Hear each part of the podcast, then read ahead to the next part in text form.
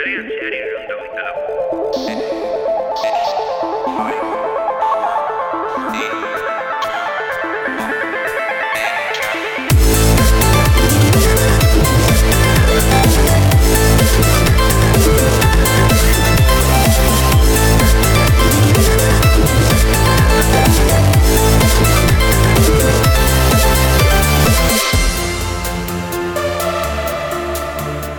Urriaren azken, bueno, azaroaren, hobeto izan da, esan da, azaroaren azken txampan e, gaude sartuta, azken egunetan e, gaude, bueno, azken asteetan hobeto, hobeto esan da, eta e, egun hauetan, normalean, itxegin dugu zarean zearen Black Fridayari buruz, eta komentatzen dugu ze eskaintza diren, eta segertatzen den, e, mm, bueno, interneten dauden hainbat, dendetan eta bar, azken urteetan egin dugu eta aurten hau egitea pentsatu dugu, baina mm, ez, ja ez dauka zentzurik, esan behar dizuet egia. Badakizue gu hemen zarean zaren beti egia esaten dugula.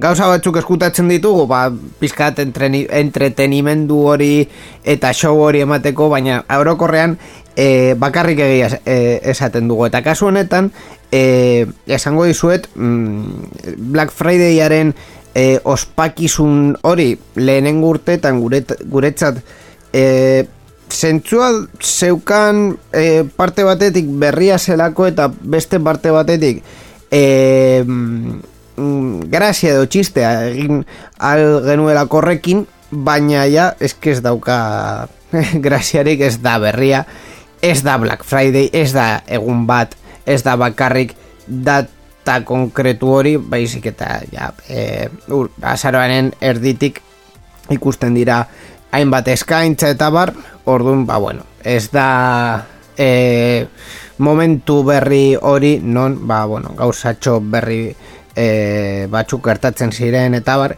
e, beste alde batetik ere, mm, ez dakit borja, baina nire partetik, e, kontsumismo ospakizun horri e, gero eta zentzu gutxiago ikusten diot, eta gainera aurten ez dagoela ia... E, Bueno, ia eser ez, ez, ez, ez naiz exageratu izango, baina e, arazoak izaten ari ditugulako e, logistika mundialarekin, ba bueno, kontsumismo mm, hori e, e, areagotzea ez dauka mm, zentzurik gaur egun.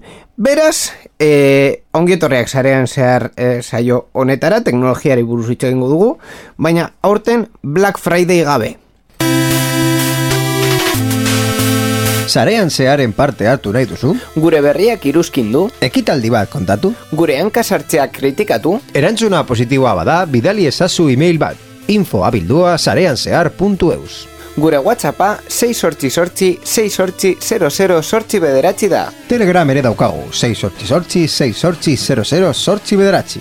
Gure Twitter eta Facebookeko profiletan idatzi dezakezu ere. Eta ez ahaztu gure asteko agenda. Informazio guztia zarean zehar.eus webgunean. Zuen mesuak itxaroten ari ditugu. Ah, bai? Bai.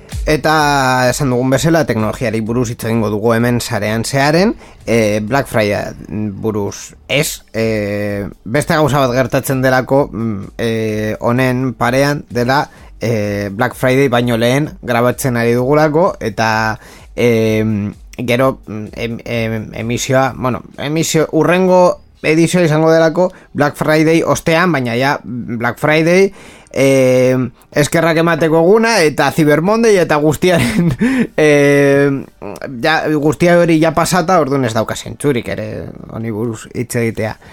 Eh, dena den Azten duzu eskongabeko eguna. Eskongabeko eguna. Amaika en amaika Bueno, eskongabeko eguna. Eh, AliExpress aurten horri eh, eh, jarri dio shopping day Ba, ba, shopping day, bai, bueno. Oso simplea. Berdin da. Shopping day. E, inor ez... ez em, Eta Amazon Prime. Days dauka, eta bakoitza ja bere Ja. beherapen momentua, bai, ja, eske, lista bate, mm, gogoratzen dut, eh, lehenengo urteetan komentatzen genula, ba, bi, hiru, lau, komertzio, batez ere teknologiakoak, eta interneten bidez, erosi Claro. alzenunak, baina ja, mm, urteak pasata ikusten dugu nola, komertzio guztiak, guztiak, guzti guztiak, eh, mm, apuntatzen dira, ja, em, Black Friday moda horretara. E, Bai. Ikusi dut azken egunetan, zein zen, e, ia paindegi bat, e, edo horrelako zerbait, estetika zentro bat, esan ez mm, Black Friday, e, mm, e, e, nola zen? Abenduaren erdier, erdira arte. E, bueno, a ver, Black Friday, Vale. eh, Friday, Friday, Friday egun bat da, ez? E, en fin, Friday I'm in love, The Cure esaten zuten bezala. Hori ez dugu erabili. ez, na, ez nago ziur. e, uste dut ez e, dena den ba, ba bueno, egia da hasi genuen honekin, ez dakit zure lehenengo denboraldian edo bigarrenean e, Ez du ja lehen, lehenean izan zera, zi, Bai, ziurrenik Hor- Bai, bai. hori izan zen ordun 2008an uf, bai. edo 2008an Amalauan, uste dut. 2008an eta hor, momentu horretan bai zen e, kontu berri bat e, e, Amalauan edo amairuaren bukaeran. amiruaren bukaren? Uste du baietz? Bueno, ez dugu goratzen dena den, e, momentu horretan duela, mm, o- osea, orain dela zazpi sortzi urte bai zela berria, eta gainera egun bateko kontua zen, mm, e, gaur egun ez, ez, ez, osea, da beste eskaintzako beste momentu bat, e, gabonak baino lehen, ba oso ondo. ba, ba, esango diogu gobernuari, e, legean jartzeko, lege bat dago, e, bederapen kontu hauetarako, e, lege konkretu bat dago, e, beherapen bi EP hori, legez erregulatuta daude, ez dakit zergatik, eta ez dakit zergatik ez duten lege hori aldatu, zu edozin deskonto egin dezakezu edozin momentuan, baina beherapen epeak, elkorte inglesek egiten dituen bezala, dira e, e, e, urtarriko lehen egunetik e, otxaieko azken egune arte, eta uste direla ere, e, Urrezko sortxegunak, ez? Ez, Eh, urrezko sortzegunak e, gero dira e, ekainatik, ekainako lehenetik e, ustaiaren azken egunera. Edo aste fantastikoa, ez Eh, dakit ja... Aste fantastikoa eta urri, e, urrizko egunak eta hor beste kontu bat dira. Baina, bueno, vale, ja. Uste dut dagoela, Vale. lege bat, bi EP horiek e, sartzen dituela, orduan, ba, begira, ja, pff, eske, Ez, ez nago ziur ez dugu zer esango, baina ni, ni dakat bai e, galdera bat inigo. Horrek esan nahi du ez dugula egingo review bat. Zenbat, ber. zenbat eh, edizio ja mm, dauzkagu gainean review bat egin gabe? mm, review... Hainbat, eh? Re, eh, zer, em, Review bat, bai, e, erosi, erosi dugun produktu bat komentatzen. Zu, zu zerbait erosi duzu azken boladan interesgarria dena? Bai, baina egin genuen pre, justu espazio espezifiko bat, e, bosgora gaioekin. Claro.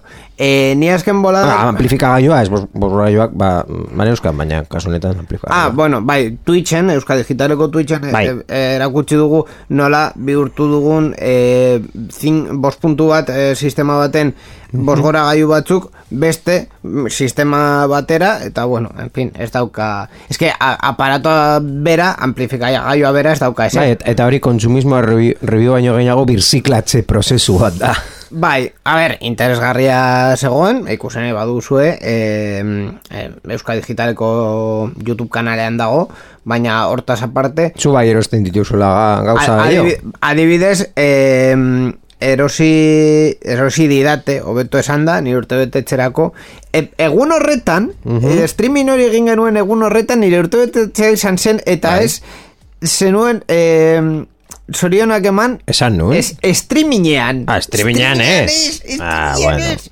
Bueno, eh, nire urte betetxera sortzian izan zen, eta urte betetxerako eh, oparitu diate eh, bost puntu bat sistema bat Ah, e, zurea bezala, baina aririk gabekoa. Guztiz Ah. aririk gabekoa. guztiz? Bueno, guztiz, e, atzeko bosgoraioak bi, e, bi bosgoraiu dira, eta jasotzaile bat daukate, e, zurea bezala, gutxi gora bera, baina ez dago igorle bat. Orduan, ez daukat beste aparatu bat igortzen e, duena. Subwooferra ere aririk gabekoa da, bakarrik entxufea eramaten du, eta e, mm, aurreko bosgoreioak ez dira bosgoreioak baizik eta barra bat da. Ah. Eta barra horretan guztia sartuta dago. Orduan, igorlea, barne. Orduan, mm, ba bueno, kontua da hori esau, e, e, ikusteko, e, ba, egin beharko nukela bideo bat nire etxean. Bueno, Hor eh, montatuta edo hemen dagoelako. ekartzea, bueno, bueno, vale, ondo. Bai, bai, kendu behar dut guztia, una ekartzeko, eta gero, bai, en fin. E, baita ere, erosi, erosi dut, e, sai bat, sai bat dela, e, etengabeko e, hornidura sistema bat, e, basikoki entxufe bat, baina bateria batekin, baina hori ez da interesgarria. ja, esan da, a ber, hainbeste. e, sistema horrela erdi kritiko edo kritikoak badauzkazue e, lanean adibidez, ba bueno, interesgarria da, sai bat jartzea, baina horrela mm, kontsumidoren normal baterako edo gure entzule baterako uste dut ez dela hain interesgarria. Mhm. Eta azken egun, egun bueno, azken hilabetetan ez dut eso gehiago mm, erosi. Bueno, bai, nire bainu gelarako apal batzuk. Bueno. Super interesgarria, super teknologikoa. Bai, Amazon bidez etorri dira, chico, pues es que... Ba, bueno, ez, ez, ez badago iago komentatzeko, ba, hasiko gara berriekin, ezta? Bai.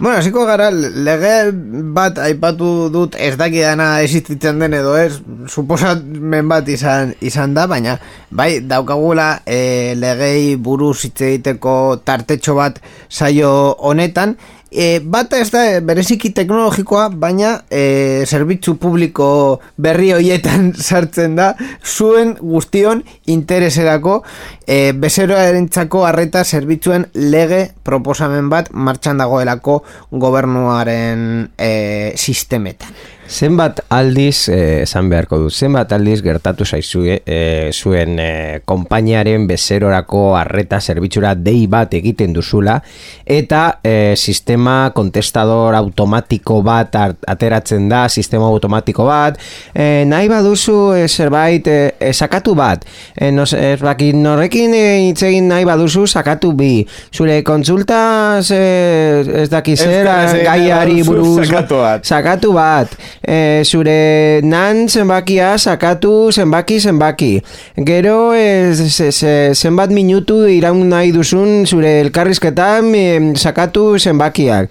Eta ja mm, e, bos minutu edo amar minutu pasata gero e, pertsona batekin pasat, pasatuko dizute ja, Bueno. sortea, sorte hona badaukazu Zoriona badaukazu, bai. Bueno, hori da. Orduan, e, e, gobernuak aurkeztu duen lege proposamen honekin, e, lege proposamena, eta momentuz, e, hori parlamentutik pasatu behar da, eta parlamentuak onartu behar du, eta... ah, hangai- Bueno, aldatu hainbat- dezake, hainbat lege baina, daude hor, baina- proposamenean arautzen da kontsumetzaileok gizaki batek hartatzea eta ez erantzun gai automatiko batek. Erantzun gai automatikoak erabiltzen jarraitu ahal izango dira bai, baina enpresa handi batzuk pertsona fisikoekin erantzun beharko dute. Ministro Kontseiluak onartutako lego aurre proiektuaren testuaren arabera. Zein enpresa egongo dira behartuta? Berreunda berrogeita mar langile baino gehiago, berrogeita mar milioi eurotik gorako negozioa edo berrogeita iru milioi eurotik gorako balantzea duten guztiak.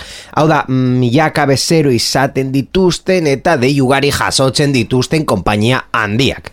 eta, eta horrekin ba, espero dugu e, gutxienez beren, beren zerbitzua pizka bat hobetoa e, hobetzea barkatu eta eta esperientzia, erabiltzaile esperientzia baita ere, ba, beren onerako izan, izango da, ba, agian diru gehiago hor sartu beharko dute, baina beren onerako izango da eta guztientzako baita ere. A ber, egia da, hainbat kasu daudela, adibidez, e, Euskadin ematen diren zerbitzuetarako oso erabilgarria da lehenengo momentuan erantzun gaiu automatiko bat izatea, e, batez ere, esateko, ba, tipikoa, e, euskara hitz egitea nahi baduzu sakatu bat, se, se atendido castellano pulsados. Hori logikoa da. Eta beste kasu batzutan ere, adibidez, e, lege em, datu pertsonal tratamendurako abisuak emateko e, baita ere oso, oso interesgarria da.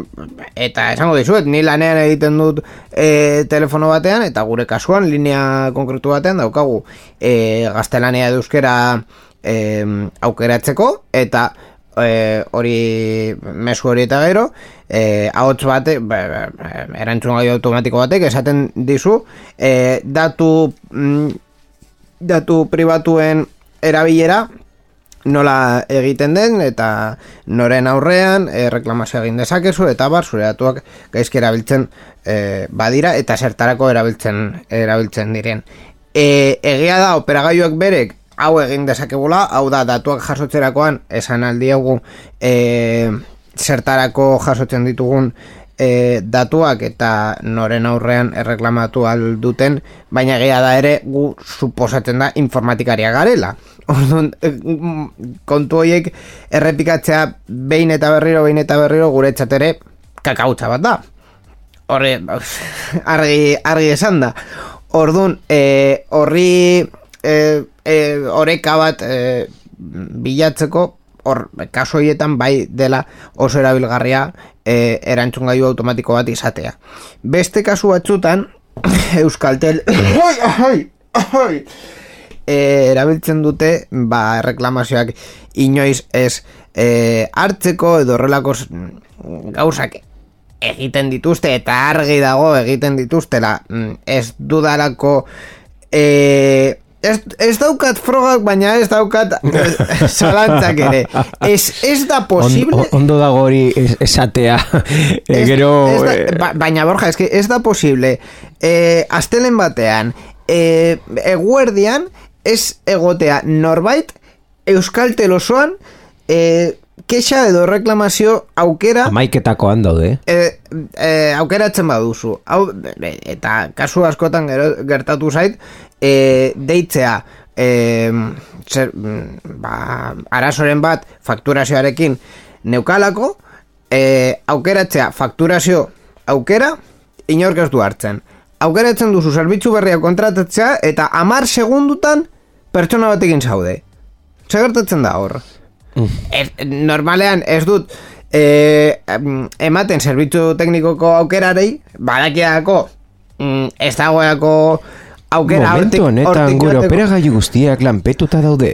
Or, eske hori da mesua orduan e, eske segertatzen segertatzen eta ez dut ez, ezin dut sinetzi e, eguneko momentu batzutan ez egotea inor. E, e, sinesten dut mm, ba ez, ego, ez egotea nahiko.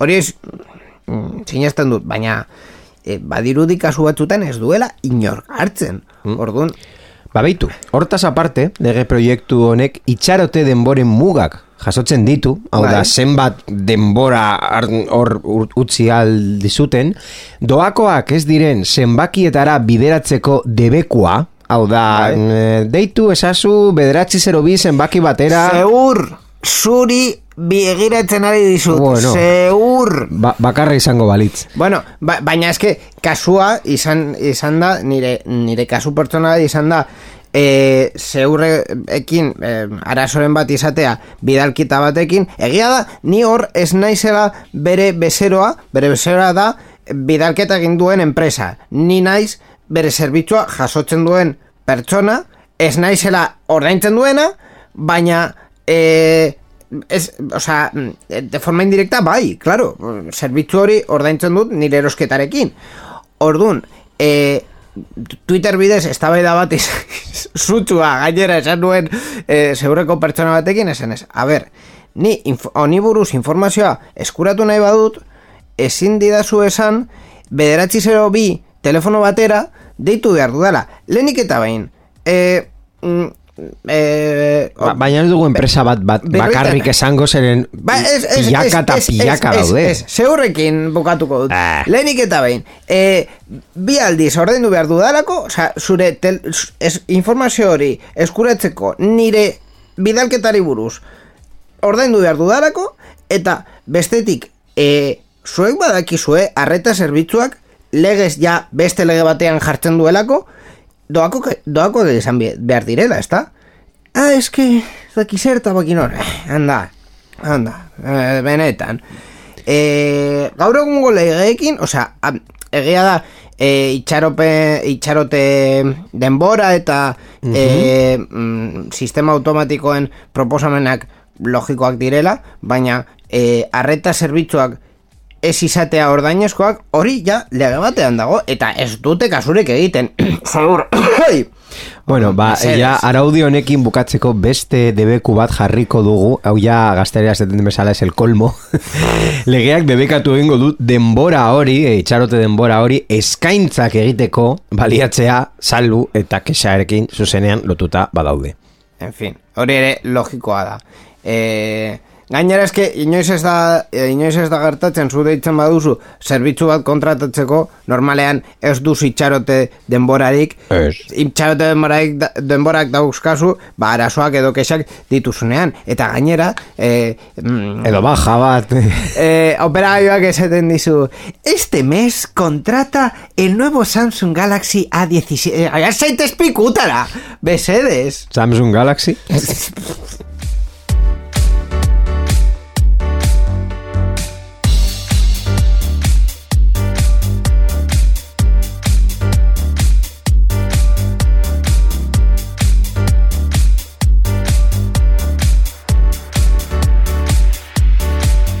Bueno, beste lege bati buruz hitz egingo dugu ere, e, gure gobernua lanean jarraitzen duelako, Espainiako gobernua kasu honetan, eta telekomunikazioen lege orokorraren proposamen berri bat e, sartu dute baitare parlamentuan.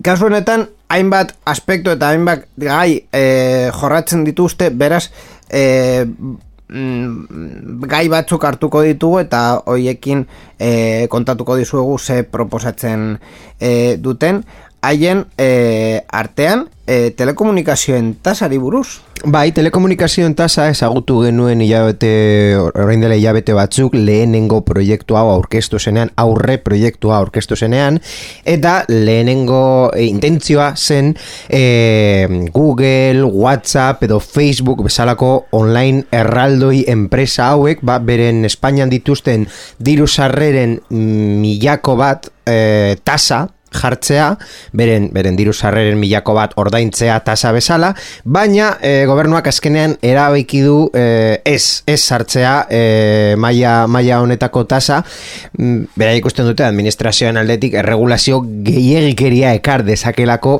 eta azkenean operadoreak bezala tratatuz gero arazo juridikoak sortuko lituzkelako. Horregatik, merkatu taleiaren batzorde nazionalaren operadoreen erregistroan sartuta dauken enpresek bakarrik ordaindu beharko dute zerga hau. Egia da adibidez e, WhatsApp mm, kasu e, izateko ez daukala diru sarrera zuzena Espainian.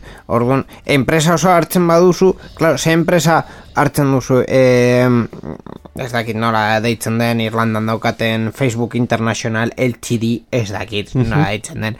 E, Orain meta, ez? Orain, Meta International LTD eh, i, i, Bueno, kasu da eh, Enpresari ez dagoela Espainian Orduan, s- nola kalkulatzen duzu Euneko Bueno, kasu honetan Milako bat hori zenbat den? Nondik eh, hartzen dituzu datuak? Eh, Facebook eta WhatsApp esango dizu eh, Haiek ez daukatela hemen diru sarrerarik Eta ez dakite zeri buruz hitz egiten ari duzun. Gu hemen ez dugu ezer egiten.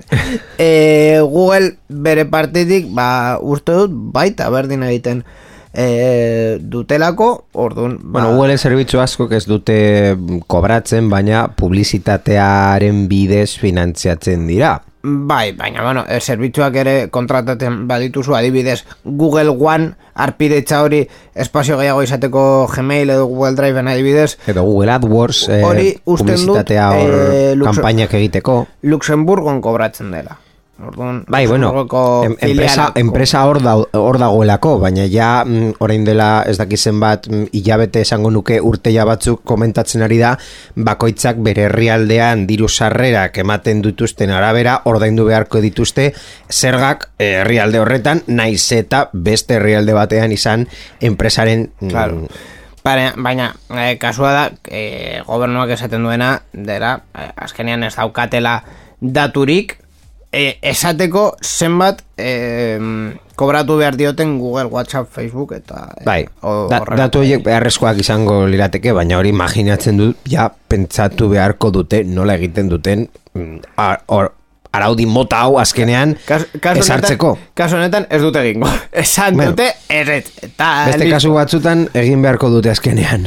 Bai. Realitatera bidali nahi badute proiektu hauek. Beste kontu bat e, proposamen horret honetan izango dira zuntz optikoko sareen inbertsoak. Bai, inbertsio hauek sustatzeko neurri berriak ere zehazten dira legean, zunzdun biztanleriaren euneko eunea estaldura lortzeko edo gutxienez ADSL teknologia azkarrago batekin. Horretarako, operadoreen arteko baterako inbertsio akordioak erraztuko dira, baita azpiegitura pasiboak partekatzea ere alanola antenataraino doan kablea. Hori baita ere logikoa da. Kasu askotan egiten egiten da. Adibidez, e, Bilbon e, metroko irugarren linean, hor tele, horretan dagoen telefonia azpegitura e, operagailu guztiek partekatzen dute. Orduan, ba, bueno, hori izango da e, Azkenean ez dauka zentzurik be, operadore bakoitzak bere, bere azpiegiturak mm, Claro. eraikitzea leku berberetarako. Claro, e, hori, eztabaida hori e, ireki zen... Hainbat alditan izan dugu. E, e, bueno, eta, eta lehenengo momentuan ireki zen mila bederatzireun eta hogeita mazazpian e, mm, telefonika pribasi- privatizatu zenean eta merkatua ireki zenean beste aukera batzuei, kasu horretan izan ziren Amena eta Airtel e, Vodafone eta orantxeko aitzindariak. E, kasu momentu horretan e, eztabaida hori sortu zen eta pentsatu zuten e, esaten diogu telefonika mobiles enpresari espedituak partekatzea edo bakoitza berarekin. E, bakoitza berarekin suposatzen da azken urteetan ba, leia handiagoa egon dela eta horri hori mm, zerbitzu obere, o- hobeak e, sustatu dituela. Movistar eta Vodafone kasuan orantxeko kasuan daukaten estaldurak mm, e, kalamitate bat da hori ezin da ezin da mantendu eta en fin. Horrela baita ere kobratzen dute bere azpiegituraren e, sarbidea eta horregatik e, operagailu mugikor virtual askok daude orantxekin. Eh? ez, de, ez delako garestiena precisamente. En fin eh, baita ere buruz itzengo du proposamen hau, ezta? Bai, era berean eraikinen barruan azpiegitura komunak instalatzea, obra zibila koordinatzea eta antenak instalatzeko administrazio izapideak murriztea bultzatzen da. Azken hori funtseskoa izango da 5G edatzeko eta inoiz baino antena gehiago beharko ditu jarduteko maiztasun altuagoak eta beraz irismen txikiagokoak erabiliko baititu. Gainera, gutxienez hogei urteko epea esartzen da 5G spektorako lizentziak emateko. Eta ez dago gehieneko kopururik, kasuen arabera kopurua mm, berrogei urtekoa ere izan daiteke, zazpiro megarziotako azken enkantean irekita utzi den bezala. Bueno, azkenean, e, eraikinetan batez ere mm, e, azpiagiturak prestatzea eta partekatzea honetarako ere e, ba, bueno, kontu oso, oso logikoa da. E, mm, asko e, hitz egiten da antenei buruz, e, mugikorreko antenei buruz e, antena berriak jartzen direnean, bai, batez ere auzo batzutan, e, mm, esan behar dizuet, mm, mm, kasu askotan, hobe da antena zure eraikinean egotea, beste eraikinetan baino. Aurre, bai, hori egia da, aurreko, osea, imagina ni antena bat naizela, 5G antena bat naizela. Aha. Zu nire zerlekuan basaude, Bai? eta ni antena bezala horra apuntatzen badut, zu nire atzean zaude, Mhm. orduan ez duzu erradiazio hori jasoko. Baina zu nire aurrean basaude, erradiazioa jasoko duzu. Dena den, dena den, ere esan behar da, erradiazio hori ez dela ni por asomo e, erradi- eh, jasotzen dugun, egunero jasotzen dugun erradiaziorik potenteena, e, kaso askotan txikiena da, mugikorren seinalea, en fin, hemen argiak daukagu, argiak askoz e, intentsitate eta potentzia handiago daukate mm, mugikor seinale baino. Mhm. Orduan, en fin, e, hori mm, lo, logikak ere esaten. Baina bueno, Eta azkenin beste kontuak proposamen honetan. Bai, beste aldaketa garrantzitsu batek operadoreekin egindako kontratuei eragiten die. Horietan kontratu aurretik laburtutako azken baldintza guztiak sartu beharko dira eta gainera gehienez ere hogeita lau hilabetetako iraupena izango dute. Iraupena epea, kontratatu hau, baina iraupen, da, normalean urte bat izaten da, baina gehiengo bat jarriko diote, bi urte, hogeita lau hilabete, izango da gehienezko. Bai, hombre, logika dauka bai, baita ere eh, gobernuaren partetik esatea, bueno, gehienez bi urte, orain modan urte bat jarri denez, ba, gehienez bi. Mhm. Eta modan sei abete jartzen denean, esan gute, bueno, gehienez bat. Ya está. Listo, guztiontzako ondo. Ba bueno, hori izan da proposamena, kasu honetan gobernuak prestatu duena, ikusiko dugu ja eh, parlamentuan eh, pasatzen denean eta eta behin behinekoa e, behin behetiko haueto esan da egiten denean, e, ze eduki izango duen lege horrek.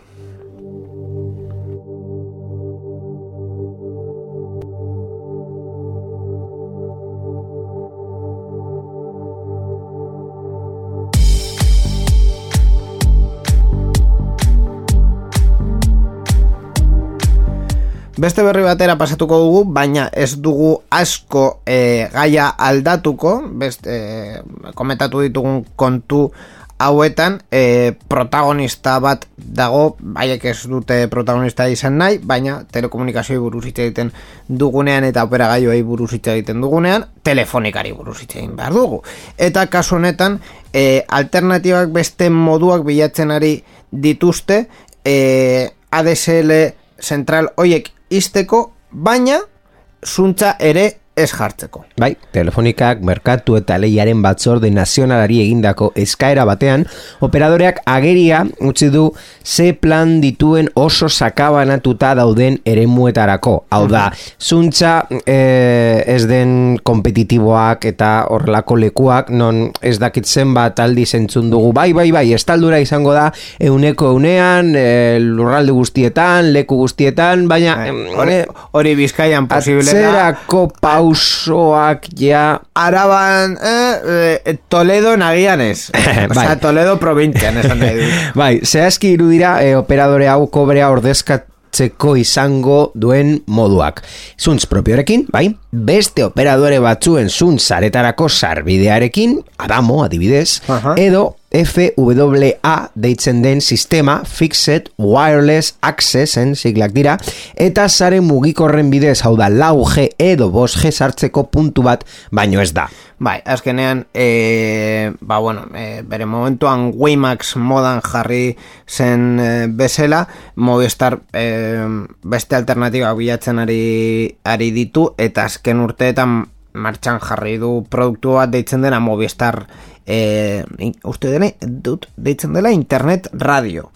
A, azkenean horrelako bat da, zu, zure etxean izango duzula, e, 4G edo 5G router bat, eta router horrekin interneta jasoko duzula. E, suposatzen dut interneta bakarrik tele, telebistako zerbitzuak ez direlako sartzen bere, bere kompetentzian, hau da, Movistar ez ditu e, operadore predominantea zelako eta bar, ez ditu telebistako zerbitzuak mantendu behar, ordun satelitea mm, e, e, imaginatzen duzuen momentuan Pi, pikutan bidaliko dute. Bai, eta hori dela eta telefonikak esan dugun bezala, merkatu eta lehiaren batzordo nazionalari eskatu dio kobrezko irurogeita mairu zentralen itxiera atzeratzea. Eh, zentral hauek esan behar du azaroar, esan behar da azaroaren hogeita bostean itxe behar zituzten, baina esan dugun bezala, ba, mm, eh, merkatu eta lehiaren batzordo nazionala Movistarren eskaera onartu ditu, eta, ba, horiek zabalik jarraitzea eta internete kobrearen bidez eskaintzea albidetuko du. Etorkizunean ikusiko dugu Movistarrek zentraloen itxiera jakinarazi ahal izango du ala dagokionean, ez dakigu noiz. Claro, kontua da, e, itxiera hori informatzen duela eta esaten duela, bueno, hau aurre ikusten dut, e, azararen hogeita bostean izango dela, baina kasu honetan e, atzeratuko dute eta hori mm, e, gure merkatu eta lehiaren batzorde nazionala ez dio zer esango, azkenean zerbitzua mantentzen bada, pff, ba bueno, aia kuidauz nola egiten duzun, ez? Esan duzun bezala, hemen Euskadin ez, ez gara afektatuak izango, eh, batez ere, eh, esango ditu provintziak mm, generikoki ikusteko pizka bat, nondik doan gauza, hau da.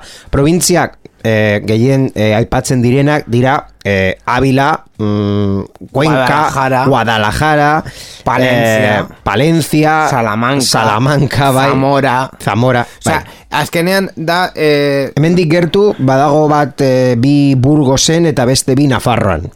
Claro, es que azkenean eh, araban egia da eh, eh, herri txiki asko daudela, baina ez daude ez da eh, hiri handi batetik urrun, ordun eh, azpiegiturak botatzeko, ba, bueno, nahiko erraz dago eh, araban. Eh, konparatu araba adibidez Burgosekin eta hori konparatu mm, Guadalajarakin. Ba, e, Guadalajara eta Burgos izango dira gutxi gora bera e, tamaina berekoa mm, uste dut ahojo e, iru arabak izango direla baina e, biztanleria berdina daukazu Guadalajara batean eta araba batean orduan asko sakabanatuta daude gauza guztiak eta zuntza eramatea herri batera bi, hiru edo lau bezero izateko ez da, ez que ez da Bai. ezi- ezinezkoa da Laportak esaten zuen bezala, aloro ez gaudela ingaizki. Al loro Euskadin ez gaudela hain gaizki. Eta gainera e, iru e, Baina nire etxean ez dut ora- o- oraingoz eh, zuntza bueno, ikusi. bai- baina ikusiko duzu e, um, urrengo urteetan ia leku guztitan egongo direla e, mm, de forma estable iru, iru zuntz. Movistarrekoa, Orange Vodafonekoa eta Euskaltelekoa zuntz zuzena. Orduan e, ez ga, egia da ez gaudela engaizki Eibarren, e, uste dut Eibar edo Ermoan zela. E, horre, horren bien batean zegoela ere e, herri- e, herriaren zuntz propioa eta horretan Adamo edo beste operagailu horrela exotikoak ematen zituztela zerbitzuak. Azpiegitura e, udara jarri zuelako orduan, hemen egia da ez gaudela Ba, hain gaizki espero, espero, arlo horretan. espero dugu urrengo urteetan, pf, ja, mm, ezinbesteko esan da, Euskadiko eh, lurraldea mm, guztia, euneko eunea, estaltzea, eh? Urkullu, badakidala non bizi zaren. bueno, guztiok dakigu non bizi den Bai, baina, bueno, hori, ja.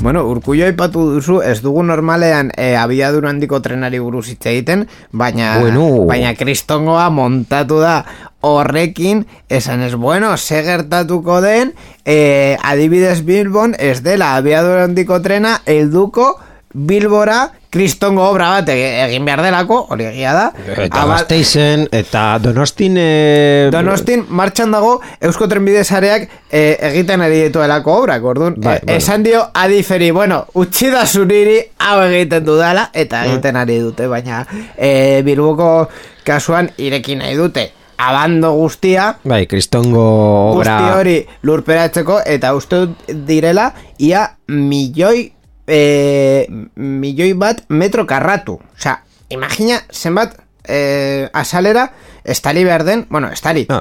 Le, lehenengo kendu eta gero Ba, estali. ba, badakigu mm, Bilbon bizi bagara badakigu nola dagoen gaur egun abandoko estazioa eta hor e, bi asko playa hori.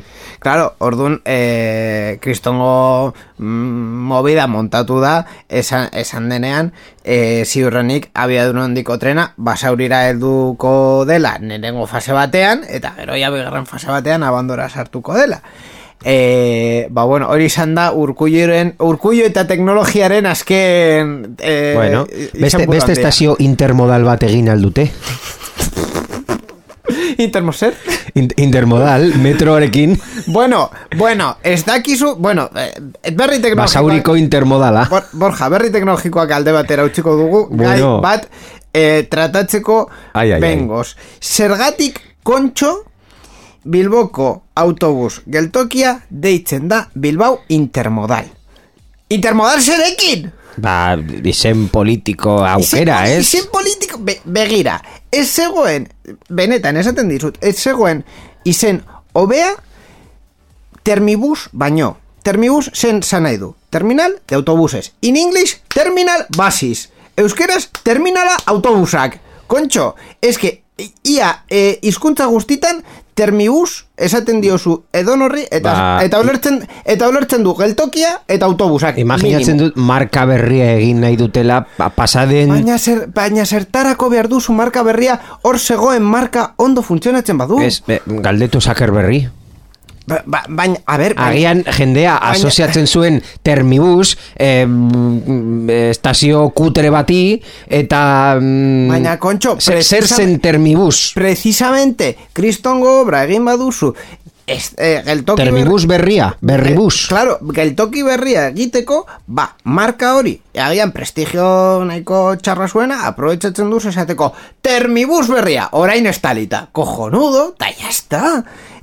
Es que, buelta bat eman diot, eta gainera, aukeren artean, osea, jo, mi, ni imatzen, imaginatzen dut, adibi, bueno, e, proposatu zuten BBIG, Bilbao Bus Intermodal Garellano, bueno, vale, pff, onartuko dizut, baina Bilbao Intermodal, es que ez du esaten, e, eser, es, es, que ez, du- es, es que ez du esaten, zer, zeren intermodala da, ze, ze hartu aldut hor, ze, ze daude trenak, daude tranbiak, daude e, e, taxiak, ez dakit, ez, ez, kontxo, dela autobus geltoki bat, deitu jozu, zerbait autobus, Bueno. autobus Bilbao, zerbait, o sea, es que de verdad. Mo- mo- momentu honetan gauza, gauza o, o, okerrago bat esan, eh, esan beharko duke eh, gazteizko tranbia geltoki batek oraindik uste dut deitzen dela intermodal, naiz eta intermodal geltokirik esen azkenean eraiki eh, lekortan. Osea,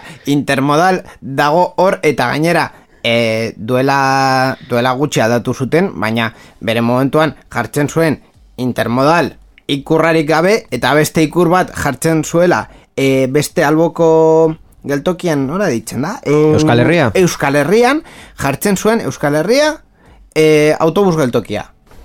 What? Osea, a- aldatu jozu behingoz izen horri intermodal eta deitu jozu parke arreaga. Jo que sé, de verdad, es que ez, ez daukat, ez daukate, ez daukate neuronarik hauek. A- a- Zu eta biok egin beharko genukena orain dela eh, urte asko intermodal hitza erregistratu eta beitu zenbat diru irabaziko genuke. E, intermodal hitza ezin dugu registratu. Bueno, Erregistratu aldugu Ez da- adibidez domeinu bat intermodal.eus edo horrelako zerbait. egin ezazu, egin Espera- ezazu. Espérate, bueno, punto Etorkizunerako basauriko intermodal eh, inter basauridal. eh, Basauridal. ez Basa- dakit. ba, basauri intermodal. Basauri intermodal. I- Ikusten dut, etorkizunerako eh, ikusiko duzu. En fin, eh, ni pentsatzen ari dut, eh, eh, aurten eh, puntu eus fundaziokoek eh, eskaintza egingo baduten eh, Euskararen eguna, egunaren batik. Euskararen eguna izango dela eh, abenduaren iruan, suposatzen dut, imaginatzen dut ere eh, data horretan edo data horretaren alboan durangoko azoka izango dela. Biatu, mesedes, noiz izango den durangoko azoka. Eta, Mm. eta bueno, eh, horretan eh, normalean eskaintzak egiten ari dituzte. Egia da ere, puntu eus domeinuaren eh, eh, esango dut, puntu eus domeinuaren eh, presioa ez dela gaur egun Abenduaren irutik sortxira, durangoko azoka. Irutik sortzira. Ba, gaur egun mm, puntu eus domeinu bat hogeita bost euroren truke daukazura. Osea, Mhm. noiko ondo. Begira, intermodal.eus eskuragarri dago. Erosiko Oh. dut, erosiko dut txatxa egiteko. Osea, e, ma, e, ostia, imaginatzen duzu intermodal.eus eta ze jartzen dugu hor. Eta nol- nola ditzen diote orduan bere webgunean? Ah, bilbaointermodal.eus. Ah, Bilbao intermodal.es. Bai, eh, nire gehiago ustetzen zait, intermodal, generikoa. intermodal.eus. Eta... Esaten, esaten dizut, eh, basaurintermodal.eus. Eta gero, eh, txantaje egiten diote, egiten diogu barkatu. Baina basauri intermodal i batekin edo bi irekin. Basa... Ai... eh, Ai, claro, es que hor dago. Intermodal basauri. Inter- intermodal basauri. Eh, Bueno, Google bezala egin, erosi guztiak. Ostras, a ber, sortzi euro direla, dira, dela bakoitza, baina... Eh, Bueno, aprobetsatu alduzu, azkenean Euskararen egunean egiten badute eh, eskaintza berezia, eta... Ostras, ordun Hartu pakete bat. Bueno, ordun, or, saio guzti hau zentzuratu behar dut pitidoekin esakiteko zintzuk diren domenioak. Eh, itxaron behar badut mm, eh, Euskaren eguna izan arte, ba, en fin, eh, hau... eskutik kanpo daukagu. Europar batasunaren berri bat ze geneukan gaur? Bai, edo ba- halako- ba geneukan, bai, bai. halako zerbait? Ba, saiatuko naiz Europar batasunaren berriaren eh, musika jartzea.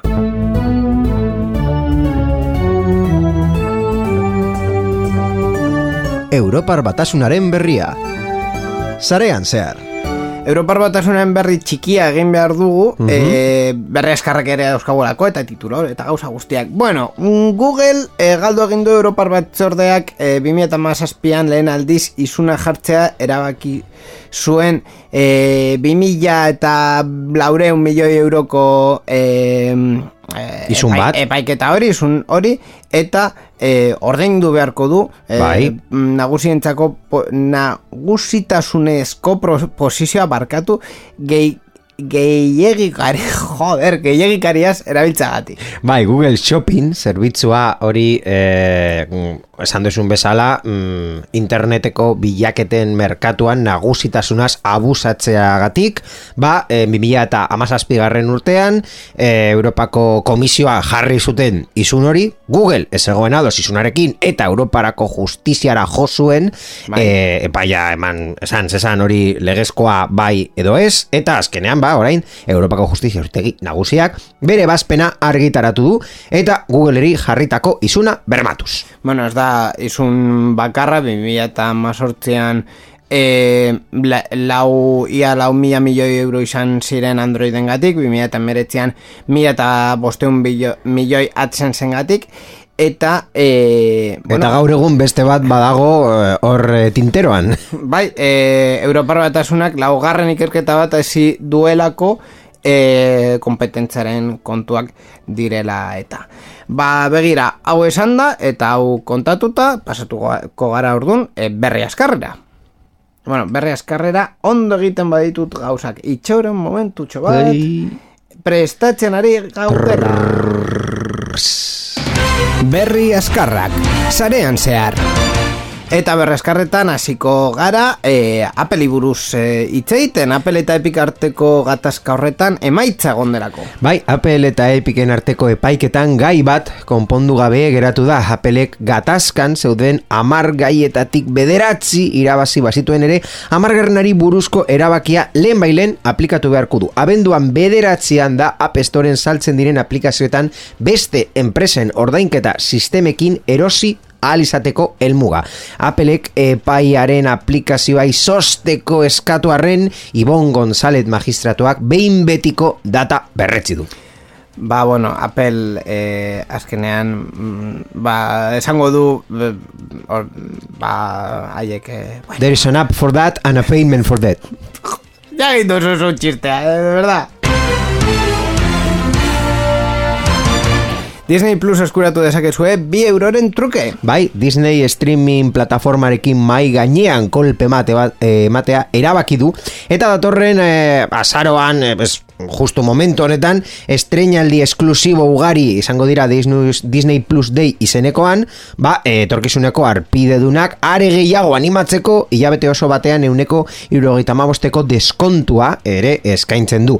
Esan, det, esan dugun bezala, eskaintza honekin lortu nahi dute arpidetza gehiago, eta lehenengo hilabetean, bat puntu laro bi euroren truke eskura daiteke. Badakizue, mi, e, Mickey Mouse, Los Simpson eta Hitler plataforma berean ikusi nahi baduzue Oh. Gero eta merkeago Disney Plusen Eta azkenean Instagram bideo selfieak eskatuko ditu plataforman alta emateko. Bai, Instagram bere erabiltzaietako batzuei bere nortasuna egiaztatzeko eskatzen hasi da. Eta nola, bere aurpegia bideos grabatu, ez bere plataforma astintzen duten gezurrezko eta spam kontuekin amaitzeko ahaleginean. Metak, adierazi du, grabazioa ez dela Instagramen ikusiko eta hogeita mar egun igar ondoren ezabatuko dela. Gainera ez da erabiliko aurpegia ezagutzeko teknologietarako edo datu biometrikoak biltzeko. Orain Instagramen alta emateko zure aurpegi polita eh, Aurpegi eman beharko duzu. aurpegi eman beharko duzu erakutsi behar duzu aurpegi politori, hombre.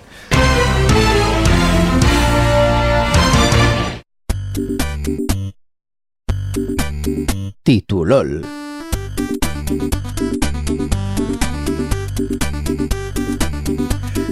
Borja, hainbat e, berri utzi ditugu hor kolokan, haien artean e, izan litekeen titulol bat dela, eta ez dugu kontatu, baina aipatuko dut, Apple emango duela e, manualak, eskuliburuak, eta konpontzeko pieza originalak. Ez dugu komentatu, baina hau titulol bezala iz, izan liteke nire arridura... Egia ez baliz bezala. nire harridura benetan sortu duelako, baina ez dugu eh, berri hori titulonen komentatuko beste bat daukagu. Ez da hori, ez da hori izango. Ba, beitu, bukatu dugu berri askarrak Instagra, Instagrami buruz hitz egiten, eta jarraituko dugu titulean Instagrami buruz hitz egiten. Zu inigo badakizun orden Adam Mosseri, Ideiarik ez. Ba, Adam Moseri pertsona honek da Instagramen direktibo bat eta interneteko troll batek sare sozial hau Instagram konbentzitu zuen zuzendari honek hilda zegoela eta ondorioz haren profila oroitzapenezko kontu bihurtu zuen Ah. eta edonor saio hasteko edo eduki berria igotzeko aukera blokeatu zuen. Aha. E, noski, Mosek hau askar konpondu al izan zuen, begibistako arrazoiengatik, baina trikimaioak askoz denbora gehiagoz blokeatu al izango zuen pertsona anonimo baten kontuekin alderatuta hori zen troll hau mm, pizka salatu nahi zuen sistema honekin, zeren e, troll hau kontatzen duen bezala, berak ez zuen e, gatazka handirik aurkitu onelako e, eraso bat egiteko ez eraso bat, eh, ber, Facebook, azkenean- Instagram, Azkenean bai eraso bat Sare da. soziale, sare sozialek daukate aukera pertsona bat hilda eh, deklaratzeko eta horrekin bere pre, profila mm, obituario bat bihurtzen da. Hau da, ezin Bai, da, blokeatzen da, omenaldi omenaldia, ez, ezin da aldatu, ez, ezin hor sartu, eta esaten du, bai, hau direktibo bat delako, baina ez bazen direktibo bat, pertsona anonimo bat izango balitz, hemen zenbat denbora irauten du. Baina kontua da, e, bueno, al- alde batetik, e, egia da era, era, eraso bat dela, hau da, azkenean kontu hori blokeatuta bukatu dela, baina beste aldetik, e, nola, osea, ze eskatzen du Instagram e, akontu hori e, hildako baten bezala markatzeko, ez dute eskatzen, ez, ez dakit, hildu den, osea, hildu, hilden, e, Froga faltzu bat, pertsona honek bak- bakarrik obituario faltzo bat argitaratu interneten eta Instagramera bidali bere eriotzaren froga gisa.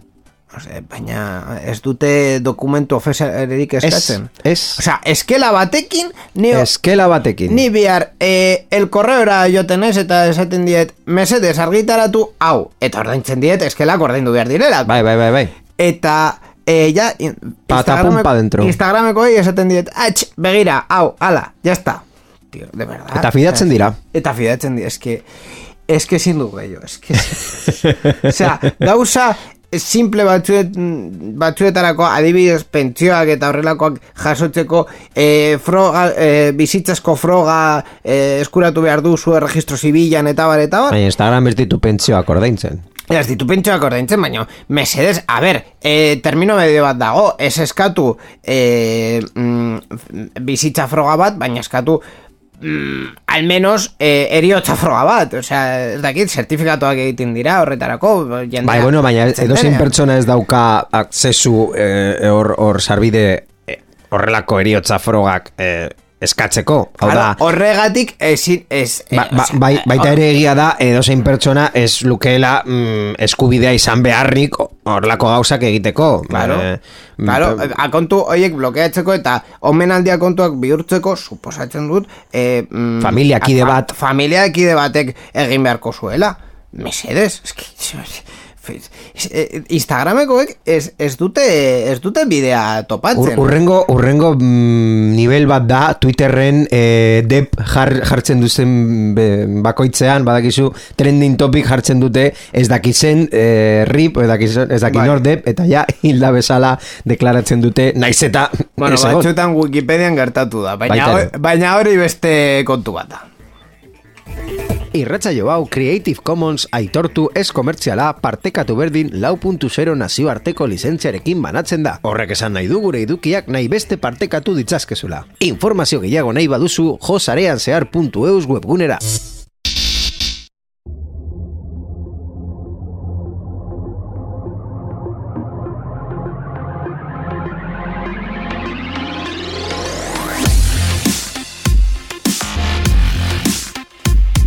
Ba, bueno, haino heldu da zarean zehar irureunta gaita lau izan den hau, e, gai asko e, komentatu ditugu batzuk teknologikoagoak, beste batzuk ez hainbeste, baina guztiak e, egunean e, komentatzen direnak eta azkenean aktualitatea direnak. Eta aktualitate hori egun, eguneroko berri hoiek beti bezala Borja Arbosa e, gerturatu digu. Az, a, ba, eskerrik asko Borja berri hoiek ekartzeagatik.